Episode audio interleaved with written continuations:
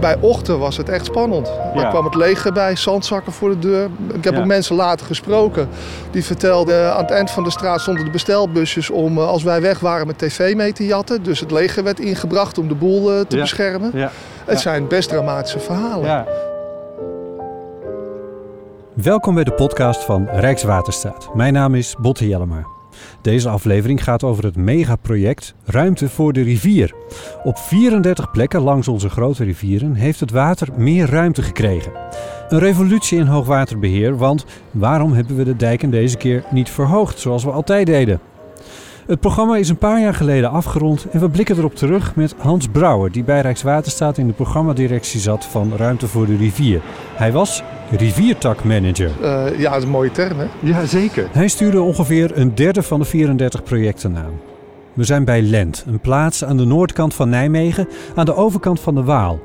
Het is maar een postzegeltje vergeleken met de stad Nijmegen, maar het is ook een gebied met veel bewoners, landbouw, recreatie, oorlogsmonumenten en natuurlijk de bekende Waalbrug.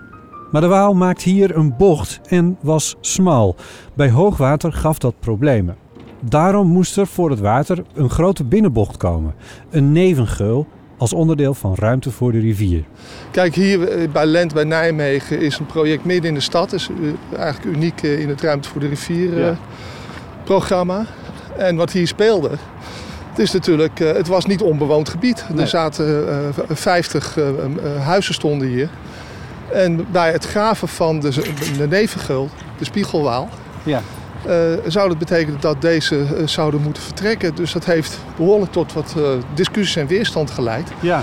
En de les is, ik denk in ruimte voor de Rivier in de algemeenheid, is vroeg beginnen en een perspectief bieden. Er moesten heel wat mensen plaatsmaken voor de rivier. Dat was niet niks.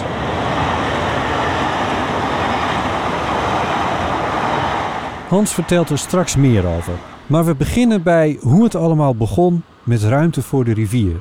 De bron zit hem in de 1993 1995. hè. 1993 in december eh, hoogwater in Limburg. Ja. eh, leidde tot ongeveer overstroming van, ik geloof, een procent of acht van Ja. het eh, gebied. Dat is dan wel niet hier hoor trouwens, maar dat was wel de eerste aanleiding. Ja, De naam Itteren dringt zich op bij mij. Ja, klopt. Borgharen, Itteren. Volgaren, Itteren.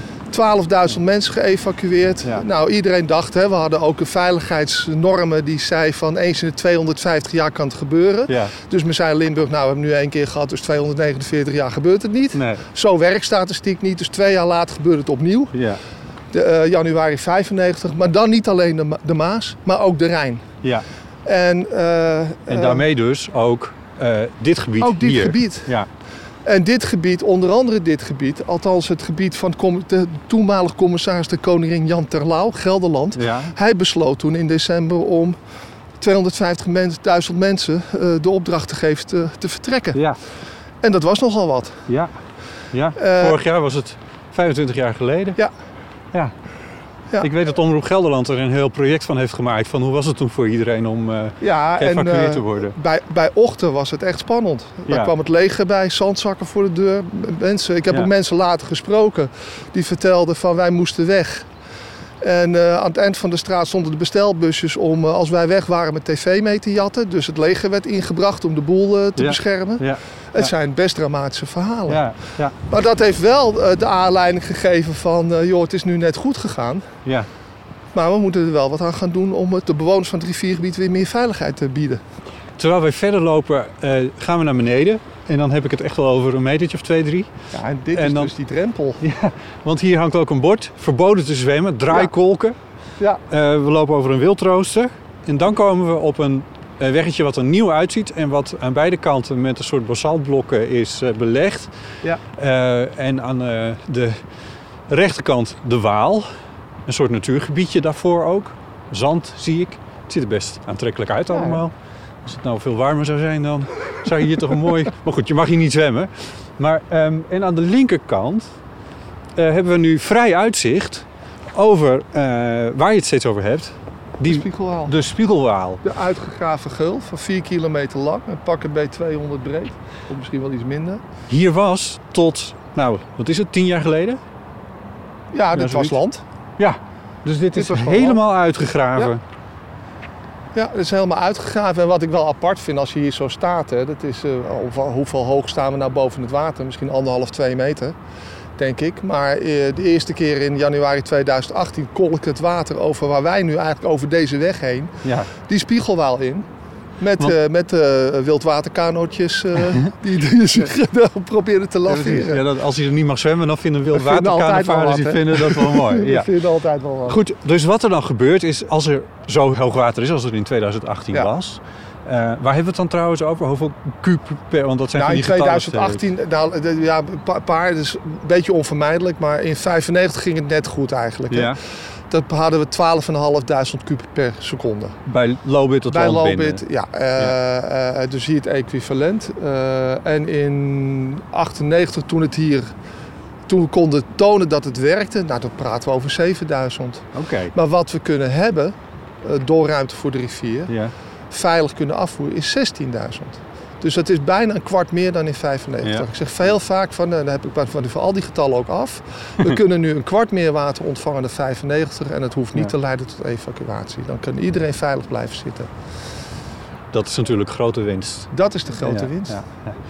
Om hier nog even uit te leggen hoe het er hier uitziet. Eh, Die drempel, eh, die, ja, want het is dus inderdaad zo'n beetje twee, drie meter boven hoe hoog het water nu staat. Maar als het water dus omhoog komt, pas dan wordt er gebruik gemaakt Ja. van die spiegelwaal als stroomgebied. Ja, dan, dan krijg je echt het maximum effect dat hier ter plekke de waterstand van de Waal 34 centimeter daalt. Ja. Waar- waarom loopt de Waal er niet altijd doorheen? Omdat hier een drempel zit. Ja, nee, dat snap ik. Maar waarom, dus waarom zit die drempel erin? Nou ja, eh, heel simpelweg. eh, de, we, hebben het laaglandriviergebied heeft altijd de neiging die rivieren om zijn weg te verleggen. En eh, ondanks ruimte voor de rivier, waarbij we weer wat meer ruimte bieden, is dat toch niet de bedoeling vanwege de scheepvaartfunctie bijvoorbeeld. Het is, en ook de, de steden liggen daar, dus je wil graag dat die, zeg maar... de, de- De hoofdstroom. ja, pak, meeste een, pak een water. bij 320, 30 dagen in het jaar dat die rivier gewoon blijft waar die zit. Ja. Alleen als je het nodig hebt, dan heb je hier en daar, eh, kun je eh, eh, afhankelijk van het project, uiterwaarden laten onderlopen of hier die, die, die geul Ja. stromen. Maar het is niet zo dat jullie hier sluizen open moeten zetten of dat soort Nee, dingen. Dat het gebeurt is heel simpel. heel Dit is een vrij vast weggetje, zoals je kunt zien met basaltblokken, zei je net, net goed. Maar er zitten ook hier en daar duikersgaten in, zodat er wel verbinding is tussen de Waal en, en de Spiegelwaal. Maar eh, zeg maar wat beperkt. Ja, Een dagelijks, eh, maar daar wanneer het erg hoog water is, in het najaar of, of in de winter, ja. dan kan het eroverheen. ja. Nou, Dus er, zit, er het zitten wel wat buizen onderdoor, maar Ja, eh, ja, dat is alleen voor even een beetje doorstroom te houden. Eh, ja, en om die kwaliteit ook van het water, van die spiegelwaal een precies. beetje Ja, overeind te ja, anders staat dat stil en dan gaat dat dan stinken. krijg je allerlei gedoe. Ja.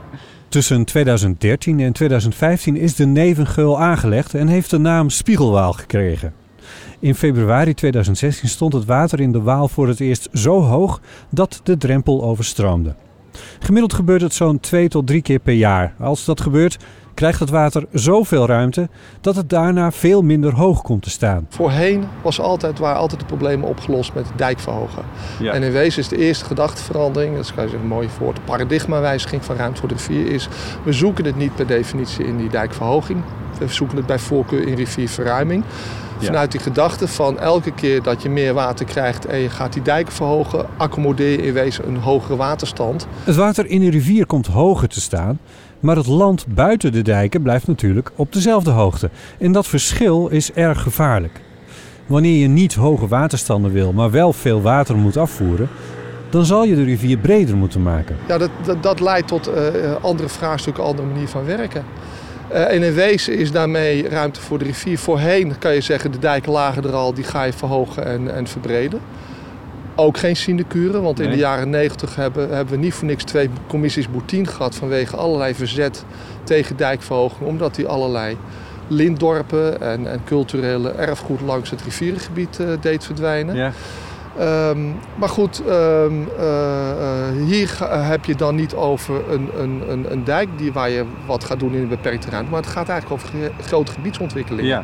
En dan kom je, krijg je te maken met heel veel meer belangen. Eh, dan heb je toch ook veel meer, eh, moet je tijd investeren in te begrijpen wat de geschiedenis, het gebruik, maar ook de mogelijke toekomst van het gebied is. Want voor mij zit de sleutel in. Kijk, de angst is eerst als je ergens komt. Je, je, je dreigt de leefomgeving van mensen en hun Ja. werkomgeving te veranderen. Dat is per definitie bedreigend. Ja. Daar ga je, dat doe ik ook. Dan ga je eerst in de weerstand. Waarom wij, waarom ik? Ja. In Lent is er ook flink tegen de plannen geprotesteerd. Op deze specifieke plek stonden zo'n 50 Lentse huizen. Die moesten allemaal worden afgebroken en de gezinnen die er woonden moesten verhuizen. Ik kan me eigenlijk nauwelijks een voorstelling maken van wat voor ingreep dit is geweest.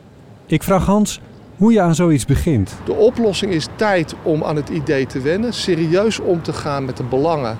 Om die ook van hun collectief te maken. Dat ze niet aan alle kanten de rekening gepresenteerd krijgen. Maar ook eh, zicht op een nieuwe toekomst. Ja. En dat is vaak een toekomst in hetzelfde gebied. Maar het kan ook elders wezen. Ja. En als je dat hele pakket weet eh, te adresseren en, en je weet een vertrouwensband te krijgen, dan kun je eruit komen. Eh, ik neem ik je even mee naar een ander project, de Biesbos, de Noordwaard, waar, wij, waar ook mensen zeiden van we willen eigenlijk liever onze leefomgeving overeind houden, maar zagen daarin, gegeven de beperkte ruimte in West-Nederland, vroeger of later komen jullie bij mij. Dus kom dan maar vroeger. Dat is ook vaak een, een signaal. Als men doorheeft, wij kunnen Ja. nu in deze stap Ja. vermeden worden, maar over twintig jaar komen ze alsnog. Ja. Doe het dan liever morgen, want die economische onzekerheid die is dodelijk voor zo'n gebied. Zo wordt het ervaren. Men investeert niet meer. Nee. Nou, eh, vervolgens had men haast eh, in dat gebied. En, en dan krijg je Doe, de doe wet- het dan ook maar. Doe het dan maar meteen. Ja. ja. Je loopt tegen allerlei zaken op. Misschien veel te wel aardiger. Ruit voor de rivier was natuurlijk nieuw in. In te bedenken om eh, door eh, eh, land terug te geven aan de rivier.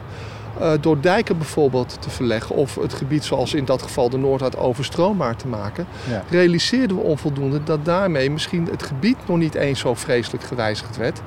Maar wel zeg maar, de leefsituatie en woonsituatie, werksituatie van mensen. Of simpelweg gezegd, een boerderij dat in een bedijkt gebied eh, ligt, is economisch meer waard dan een boerderij in een uiterwaard dat niet beschermd is. Ja. En soms maakten we van een beschermd gebied een uiterwaard. En dan krijg je de zorg van bijvoorbeeld in die Noordwaard van boeren die zeggen van, eh, en bij andere projecten van joh, ik had een boer ooit in een polder en die zei van mijn ambitie was altijd Hans om naar eh, Canada te vertrekken, een jonge boer. Zei, dat gaat niet gebeuren. Ik zei, waarom gaat het niet gebeuren? Hij zei, nou ja, weet je, ik kan, ik kan een bordje te koop in mijn tuin neerzetten, maar wie komt sowieso erop af met die onzekere toekomst? Ja. En ten tweede, als iemand erop afkomt, dan krijg ik veel minder voor betaald dan de prijs die ik betaald heb. En dan zit ik tot mijn leven lang zit ik met een schuld die ik niet kan aflossen. Dus dat, ik zit in de gevangenis. Ja. Nou, die hebben we bijvoorbeeld op, dat was een ontdekking. Die hebben we opgelost, kostte tijd. Daar heb ik zelf aan gewerkt en een goede collega, eh, jurist van Ruimte voor de Rivier. Door met het ministerie te, te over te hebben, kunnen we nou niet een bedenken, een, een regel maken voor die mensen die getroffen worden door Ruimte voor de Rivier. Waarin we zeggen van als u wilt verkopen, verkoop het aan de overheid. En de overheid betaalt de prijs alsof het nog beschermd was. Mhm. Dan nemen wij dat verlies. Ja. Een tweede regel die wij eh, met elkaar bedachten, dat is op het moment dat mensen besluiten om te blijven zitten en ze krijgen schade door overstroming, is het niet hun schade, is het het schade van de gemeenschap. Wordt het getaxeerd? Omdat natuurlijk, ik bedoel, je kan dit ook uitleggen. Omdat de gemeenschap ook voordeel heeft bij het feit dat die rivier meer ruimte Nou. heeft gekregen en dus minder schade leidt. En wat je merkt, Botte, ik zeg wel eens, ik, eh, ga ik weer over die Noordwaard. Die Noordwaard beschermt Gorkum, Bij de Biesbos, ja? ja, bij de Ja. Biesbossen. Noordwaard beschermt de stad Gorkum 30 kilometer boven strooms. Nou, mensen in die Noordwaard zijn nu, door, door op deze manier met elkaar om te gaan en door de kosten voor hun niet eh, eh, persoonlijk te houden, maar collectief te maken, zeggen mensen in die Noordwaard nu, zijn trots op die Noordwaard, hun bijdrage waterveiligheid. En het is bijzonder, waarom is het bijzonder? Omdat ik geen enkele inwoner van Gorkum ken die tegen die mensen in de Noordwaard zegt dankjewel of een bloemetje stuurt, want ze hebben het niet eens door. Nee. En toch blijken mensen dat wel te doen op het moment dat ze niet het gevoel hebben dat ze in de val terechtkomen. En dat je er samen probeert uit te komen. Ja, ja, ja. En dat is denk ik heel erg belangrijk. Dus, dus, dus dat is ook veel praten. Dat is heel veel praten. En dat is inderdaad, want begon je met, met die zaaltjes. Ja, ik ben menig zaaltje. In dat geval in Werkendam in de Kwinter. En dan had ik mijn pak aan. En dan zeiden die mensen, god die vent uit Den Haag is er ook. En die blijft ook nog een biertje drinken. En dan kun je ook nog mee babbelen. Nou, de- de- weet je, toch, toch is dat eh, Ja. belangrijk om Ja. dat te doen. Hans zegt dat er misschien bij een enkel geval onteigend moest worden bij het project Ruimte voor de Rivier bij in totaal 250 vastgoedzaken. Ze zijn er vrijwel in alle gevallen uitgekomen. En ik zal niet eh, beweren dat het eh, niet soms met de stok achter de deur van de onteigening is. Hè. En dan heb je verschillende mensen. Ja, en wij precies. proberen natuurlijk daar netjes uit te komen. Ja. Je hebt ook altijd mensen die denken... als ik maar mijn poot stijf hou, dan haal ik er meer uit. En, eh, ik weet nog dat ik ooit eens een keer tegen een bewoner heb gezegd... die tegen mij zei van... Goh Hans, ik vertrouw jullie, zei ze. En dan komt jouw vastgoedonderhandelaar bij mij aan de keukentafel zitten... en dan word ik toch even gepiepeld voor een ton. En ik zei, ja, misschien vind je het arrogant, zei ik tegen haar. Maar ik zit op een schatkist van 2,3 miljard. Je denkt toch niet dat ik wakker lig van of jouw huis 4, 5 of 6 ton waard is. Mhm. Ik heb een probleem als ik jou te weinig betaal, want dan ga je naar de rechter. En ik heb een probleem als ik je te veel betaal, want dat is oneigenlijke staatssteun. Dus we moeten terug naar jouw keukentafel. Oh, zei ze, zo heb ik het nog niet bekeken. Ah, ja. En Ja. vervolgens zijn we er weer opnieuw toch wel weer uitgekomen. Ja. En het is natuurlijk ook zo. Dus Ja. ja, ja neem ook maar een beetje mee in eh, dan mijn wereld, zeg maar. Ja, precies. Kan misschien ook een beetje helpen.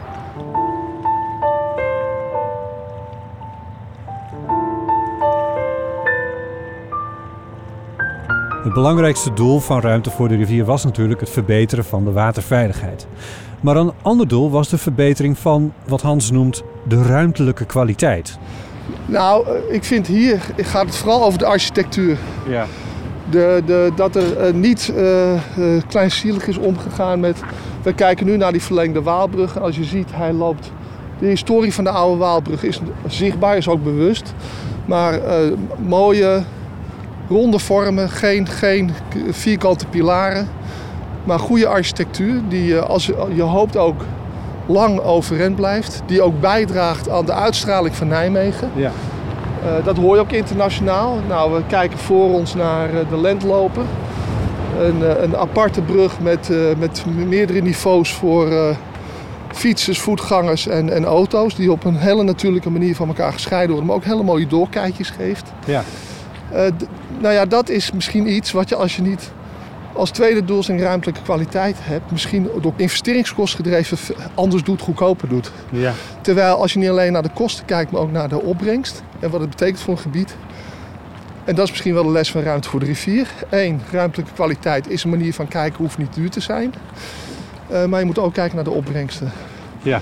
Er kwam een kwaliteitsteam ruimtelijke kwaliteit en die keek in het hele proces van ontwerpen mee. En in heel veel van die projecten, en het was ook een noviteit, was de eis dat een landschapsarchitect eh, ook goedkeuring moest geven aan de verschillende ontwerpen. Ja. En dan krijg je die kwaliteitsdiscussie. Maar die ruimtelijke kwaliteit is denk ik een heel belangrijk ding geweest. Ja.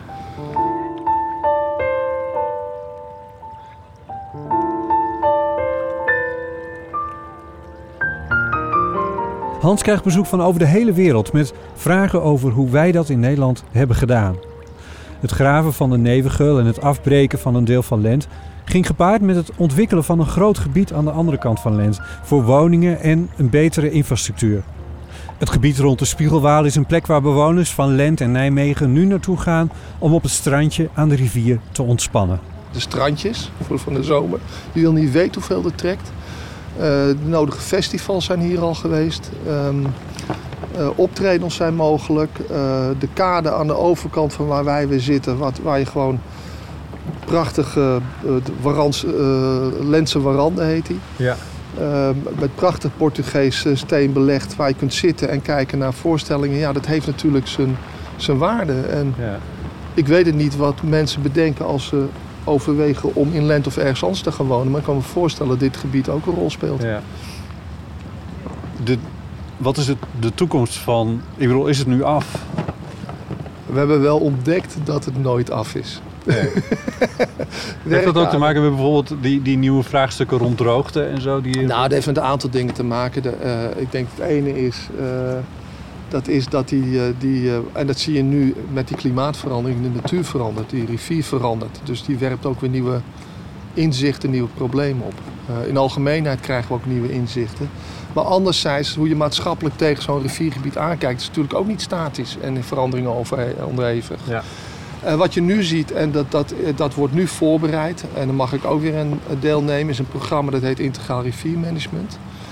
En die kijkt eigenlijk uh, uh, nog breder dan wat bij Ruit voor de Rivier. Bij voor de Rivier vonden we al dat we heel integraal bezig waren hè, met ruimtelijke kwaliteit. En uh, die waterveiligheid met de trots dat we naast dit soort architectuur ook eh, een kleine 2000 hectare nieuwe natuur hebben gerealiseerd in het riviergebied. Ook niet onbelangrijk. Nee. Eh, wordt nu veel meer weer vanuit ook weer hoogwaterveiligheid, maar ook droogte.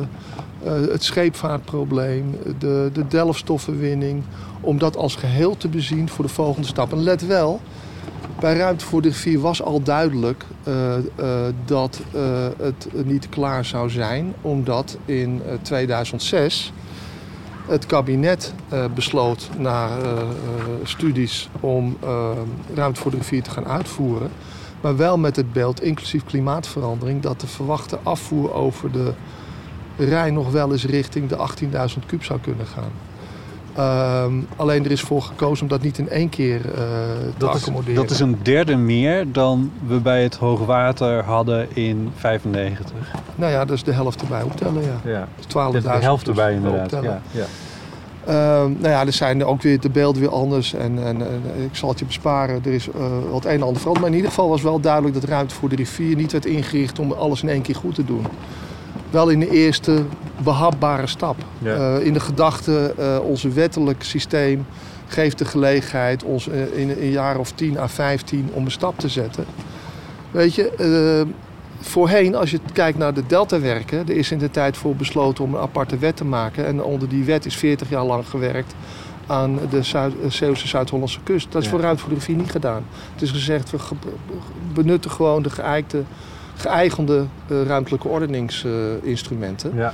En wat kunnen we dan doen? En is dat dan veilig genoeg? Ja, dan, kunnen we, dan zijn we veilig. Dat was de stelling. Als ruimte voor de rivier klaar is, dan zijn we klaar tot 2050. Maar we zijn niet klaar voor 2100. Dus over, dus over 28 jaar is het al bijna zover. Ja, dus we zijn nu met het programma Integraal Riviermanagement bezig met 2050. Met een doorkijk naar 2100. En wat nou ook leuk is, Botte, dat is een andere verrassing internationaal. Waarbij natuurlijk de politieke cyclus meestal een jaar of vier is. Mhm. Dat mensen zeggen, die Hollanders die kijken 50 tot 100 jaar vooruit en investeren erin. Hoe is dat in vredesnaam mogelijk? Nou Ja, dat zit in onze geschiedenis, denk ik, enerzijds. En anderzijds in het feit dat we ons kunnen veroorloven als rijk land. Ja. Daar heeft het ook mee te maken. Ja. En de geschiedenis van de waterschappen die eh, als, als lichaam wel uniek zijn, eh, maar die dat ook moeten vasthouden. En de- als democratisch instituut Als ook. democratisch instituut ook, als, als overheidslaag die je vrijwel nergens anders vindt. Eh, eh, dat maakt allemaal dat wij blijkbaar het in Nederland heel gewoon vinden om over kabinetten heen stappen te zetten voor hoogwaterveiligheid zonder al te veel veranderingen in ideeën of prioriteiten. Ja. En het hoeft ook niet te concurreren met in economisch slechte tijden met onderwijs of, of andere zaken. Nee. Dus dat blijven we blijkbaar echt als basis overeind houden. En dat is wel heel bijzonder. Dus dat zit er toch wel een beetje in in die Nederlanders op een of andere het manier. is, ja, dat heb ik wel ontdekt, dat het toch echt iets is wat eh, eh, ons onderscheidt. Maar ja, logisch is Nou ja, we wel. laten ons er vaker voor staan. Maar dan denk ik, sceptisch Ja, als ik Botte- ben, denk ik altijd Eh, van, zal dat echt? Ja, het zal echt, Ja. maar het is ook zo dat we zijn hartstikke kwetsbaar. Eh, want we investeer, hebben geïnvesteerd in ruimte voor de rivier 2,3 miljard. Ja. Maar daarmee geef je toch al eh, een, enkele tientallen jaren een wat veiliger leven- en werkomgeving voor een kwart van onze bevolking. Eh, maar je wil niet weten als een, een, een strategische dijk doorbreekt en de randstad komt onder water, dan kost het heel wat meer dan 2,3 miljard. Ja. Dus Nederland is in die zin ook goed, ook met ruimte voor de rivier, in het, in het investeren in voorkomen. Terwijl je ook heel veel landen hebt die vooral investeren in het opruimen van de schade. ja.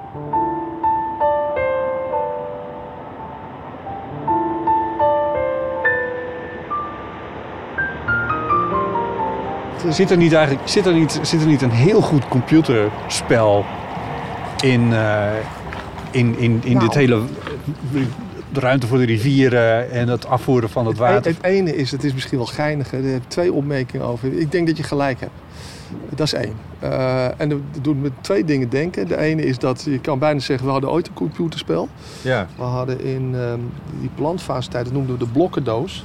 Dat heet tegenwoordig Design Table, is doorontwikkeld met Google Maps.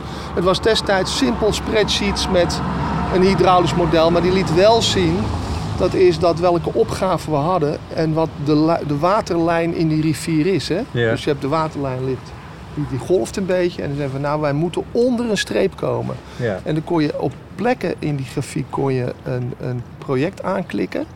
En dan ging die waterstand omlaag.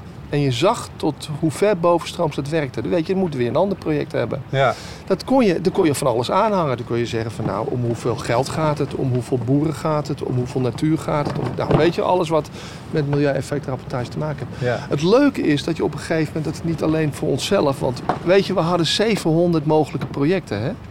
Nou, probeer er lekker uit te kiezen. Ja. En ze behouden allemaal, het zijn ook niet losse projecten, ze interacteren. Ja. Het is een keten van projecten die, Ja. die met elkaar interacteert. Dus het was eerst ons eigen hulpmiddel, maar toen gingen we het gebruiken met lokale en regionale bestuurders. En er zijn burgemeester is van ja, waterveiligheid, maar niet bij mij. Ik zei oké, zet het uit. Maar je moet wel in het model een oplossing vinden. En dan ging je die oplossing vinden. Dus dit spel is eigenlijk al gespeeld. Ja, en Ja. Het, was, het was wel een saaie vorm. eh, Maar het werkte wel. Namelijk met omdat, spreadsheet. Weet je, Ja. want dat is wel, vind ik wel aardig om te benadrukken. Het heeft me ook tijd gekost. Normaal gesproken, wat gebeurt er met mensen die dat dan doen en waarvan je zegt, nou zet maar uit en probeer een alternatief te vinden. En wat zijn de consequenties dan? Dat is dat die persoon verandert van een consument van beleid dat uit Den Haag wordt opgelegd. Waarvan je als bij mij, ik weet niet hoe het bij jou is, bij mij werkt zo, ik ben een beetje recalcitrant type. Als de overheid komt, dan zeg ik ja, mooi niet dus. maar deze ging zich mede ontwerper Ja, voelen. precies. Dan word je een beetje En eigenaar van het een probleem. beetje eigenaar. Ja. En ik denk later in Ruit voor de Rivier hebben we ook juist op allerlei niveaus flink geïnvesteerd om het eigenaarschap vast te houden. Ja. Je ziet bij lokale bestuurderen dat ze vaak geïnteresseerd zijn in de planfase, omdat dan worden de keuzes gemaakt. Maar als het project gerealiseerd zijn, zijn ze weg, want hebben ze geen invloed meer. Terwijl dan juist de gevolgen voor de lokale bewoner nijpend worden en Ja. zichtbaar. Dus als je dan voor elkaar krijgt dat je een wethouder kunt bellen en zegt: kun jij op de koffie bij die boer of die bewoner? En die zegt: Hans, ik doe dat, want ik voel me eigenaar. Ja. Dat is buitengemeen Ja. belang, want die Ja. kent het gebied, hoe, hoe dichter bij het gebied dat ligt, zowel het bestuurlijke als de projectmanagement, die maken onderdeel van die gemeenschap. ja. De- Den Haag maakt geen onderdeel van deze gemeenschap. Die Nee. vliegen in en vliegen uit. Nee, maar de Waal kennen ze hier wel. De Waal kennen ze hier wel, Ja, ja, precies. Hoe, hoeveel je? was het nou? 2,3 miljard? Miljard heeft het gekost. Heb je nog wat over? Kunnen ja, we we, niet wat- hadden nog wat over. Kunnen we niet wat ontwikkelaars inhuren bij Rijkswaterstaat die dat spel gaan, eh, die even mooi gaan maken? Goed idee. Het jammer is dat het geld eh, wat over is, is teruggestort. Oh ja. Zonde, hè? Gaat weer naar de algemene middelen. Nou ja, er zijn genoeg andere projecten waar het misschien wel weer terecht Ja, maar het is misschien wel een mooie, mooie gedachte voor de volgende stap. En dat is dat, dat integraal riviermanagementprogramma. Waar we ook nadenken van, eh, eh, ook weer, van hoe kunnen we eerder weer mensen bij betrekken. Ja. Mede-eigenaar maken. Eh, je merkt, en het is ook de ervaring met zo'n programma als Ruimte voor de Rivier. Het duurt een jaar of 15. Je praat met mensen die nu wonen in het gebied. En als het gebied klaar is, zijn die misschien al vertrokken. En worden opgevolgd door een nieuwe generatie die toen een tijd in het begin op school Ja. zat. Eigenlijk praat je misschien een beetje met de verkeerde generatie. Dus de vraag is ook een beetje, hoe kun je nou op een goede manier ook de interesse kweken en het meedenken van de universiteitsstudenten, van de technasia, van de middelbare scholen, van de basisscholen. Games, Hans. Games, ja, ja, ja, ja, dat weet ik. Ja, dat is niet helemaal mijn wereld. Maar ik heb laatst met de Universiteit van Utrecht ook over games gehad. Over, Oh, kijk. ben ik met je eens. Ja. De manier om mensen te bereiken is heel divers geworden. In het begin Ja. van Ruimte voor de Rivier, waar, jij nog naar vroeg, de zaaltjes. Ja, de zaaltjes met een biertje achteraf. Ja, Nou, dat is met corona al deels ingewisseld door digitaal. ja, Maar die jongeren bereik je eh, inderdaad met heel andere middelen weer. ja, ja. Ben ik helemaal met je eens. En ook dat blijft dus veranderen. Dus die, die rivier blijft veranderen. De maatschappelijke wens rondom die rivier verandert. De rol van tussen overheid en maatschappij verandert. En er komen nieuwe middelen. Dus eh, stilstaan kun je niet. Je zal altijd weer verder gaan. Ja.